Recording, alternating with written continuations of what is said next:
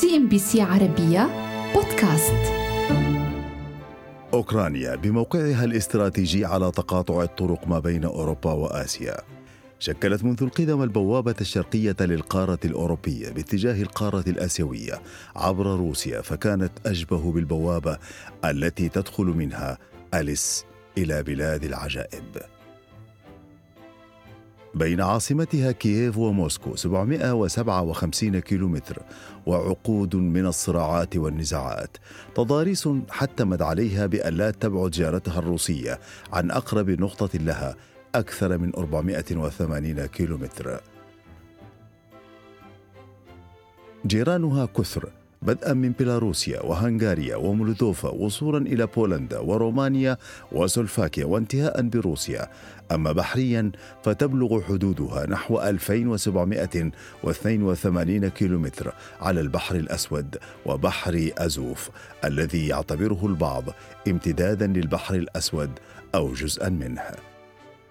تقع كييف في شمال وسط أوكرانيا على طول نهر النيبر وفي الأول من يناير كانون الثاني عام 2021 كان عدد سكانها أكثر من مليونين وتسعمائة ألف نسمة ما يجعلها سابع أكثر مدينة اكتظاظا بالسكان في أوروبا. تحتل العاصمة أهمية صناعية وعلمية وتعليمية، كما تمثل مركزا ثقافيا في أوروبا الشرقية، فهي موطن للصناعات ذات التكنولوجيا المتطورة ومؤسسات التعليم العالي والمعالم التاريخية. اقتصاديا تشكل أوكرانيا الممر الاقتصادي والبوابة الروسية الجنوبية نحو أوروبا لمرور أنابيب الغاز الروسي والبضائع والسلع الروسية إليها الإنتاج الزراعي الذي اشتهرت به أوكرانيا يعود لخصوبة أراضيها.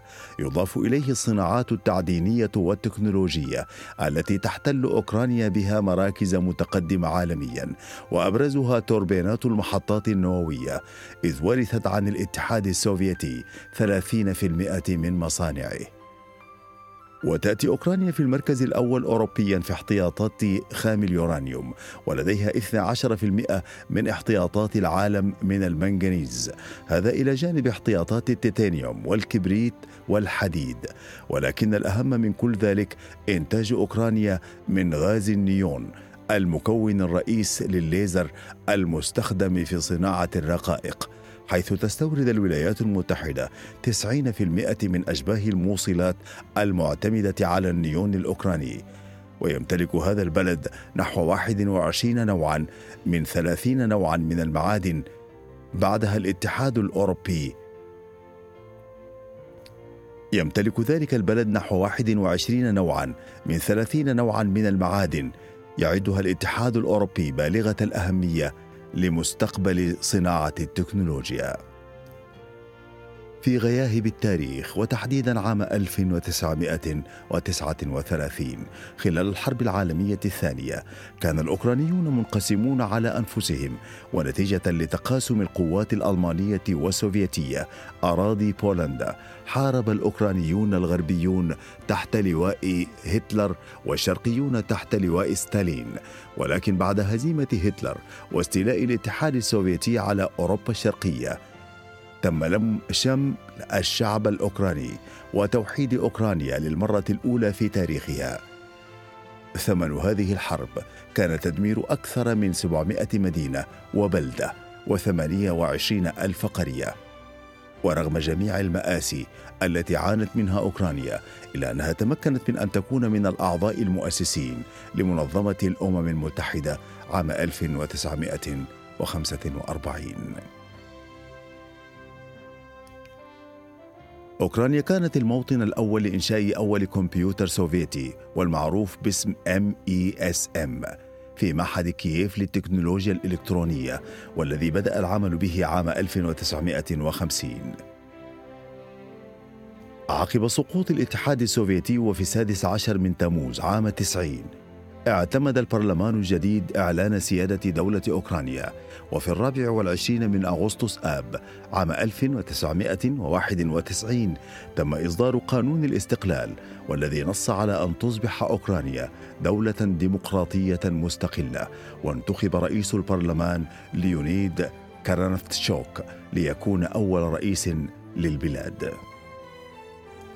اقتصاديا عانت أوكرانيا بداية من تباطؤ اقتصادي كان أكثر عمقا من بعض الجمهوريات السوفيتية السابقة الأخرى وخلال عقد من الزمان تعرضت البلاد لركود وخسرت فيه 60% من ناتجها المحلي الإجمالي وذلك منذ 1991 وحتى العام 1999 كما عانت من معدلات تضخم كبيرة ما أدى إلى مظاهرات واضطرابات عنيفة وقبيل نهاية التسعينيات استقر الاقتصاد الأوكراني ومنذ مطلع العام 2000 تمتعت البلاد بنمو اقتصادي حقيقي مضطرد. بلغ 7% سنويا كمعدل وسطي. منحنى الاتجاه الاقتصادي الصاعد والهابط في أوكرانيا. غذاه في كثير من الأحيان القلاقل السياسيه التي كانت تمر بها البلاد فلم تكن في حالة استقرار سياسي منذ بداية القرن الحالي. صناعاتها المعدنية الثقيلة من الأسلحة والأدوات الكهربائية لعبت دورا رئيسيا في تعزيز نمو اقتصادها لكن رغم طبيعتها الغنية لم تكن لتسعفها في تحقيق اكتفائها ولو جزئيا من الغاز والبترول. الأمر الذي وضعها في قبضة الحاجة لاستيراد حاجياتها من موارد الطاقة من جارتها روسيا.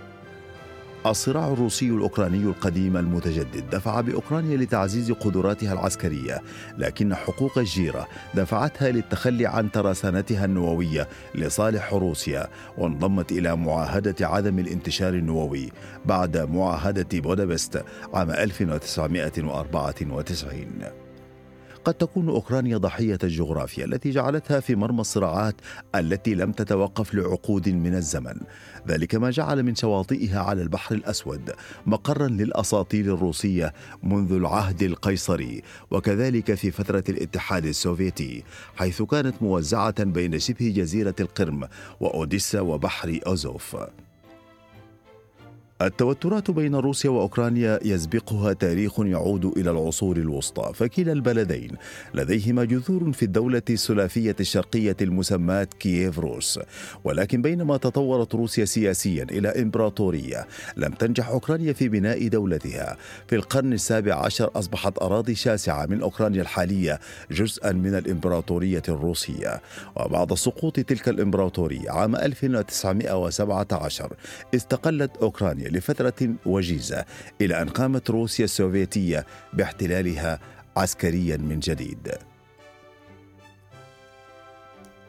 في خريف 2003 شهدت موسكو وكييف أول أزمة دبلوماسية كبيرة بينهما في عهد الرئيس فلاديمير بوتين حيث بدأت روسيا بشكل مفاجئ في بناء سد في مضيق كيرتش باتجاه جزيرة كوسا توزلا الأوكرانية.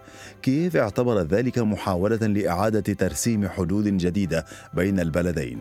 ازدادت حدة الصراع ولم يتم وضع حد له إلا بعد لقاء ثنائي بين الرئيسين الروسي والأوكراني.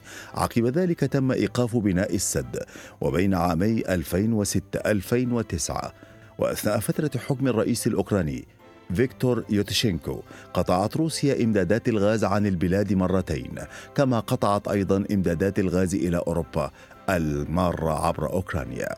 وفي عام 2008 عرضت إدارة الرئيس الأمريكي جورج دبليو بوش إدماج أوكرانيا وجورجيا في حلف شمال الأطلسي الناتو.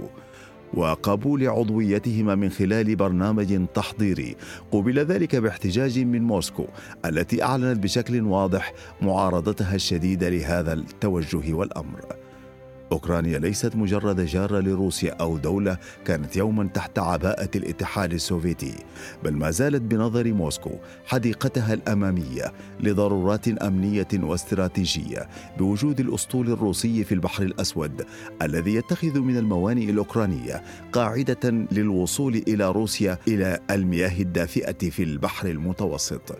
ظاهريا تحولت أوكرانيا إلى ساحة صراع دولية جديدة على النفوذ والطاقة لكن الحقيقة تقول بأن قدر أوكرانيا أن تبقى جرحا مفتوحا لا مجال لاندماله إلا باتفاق الجميع على أن التهاب جرحها سيجعل العالم يئن من الألم ولو إلى حين.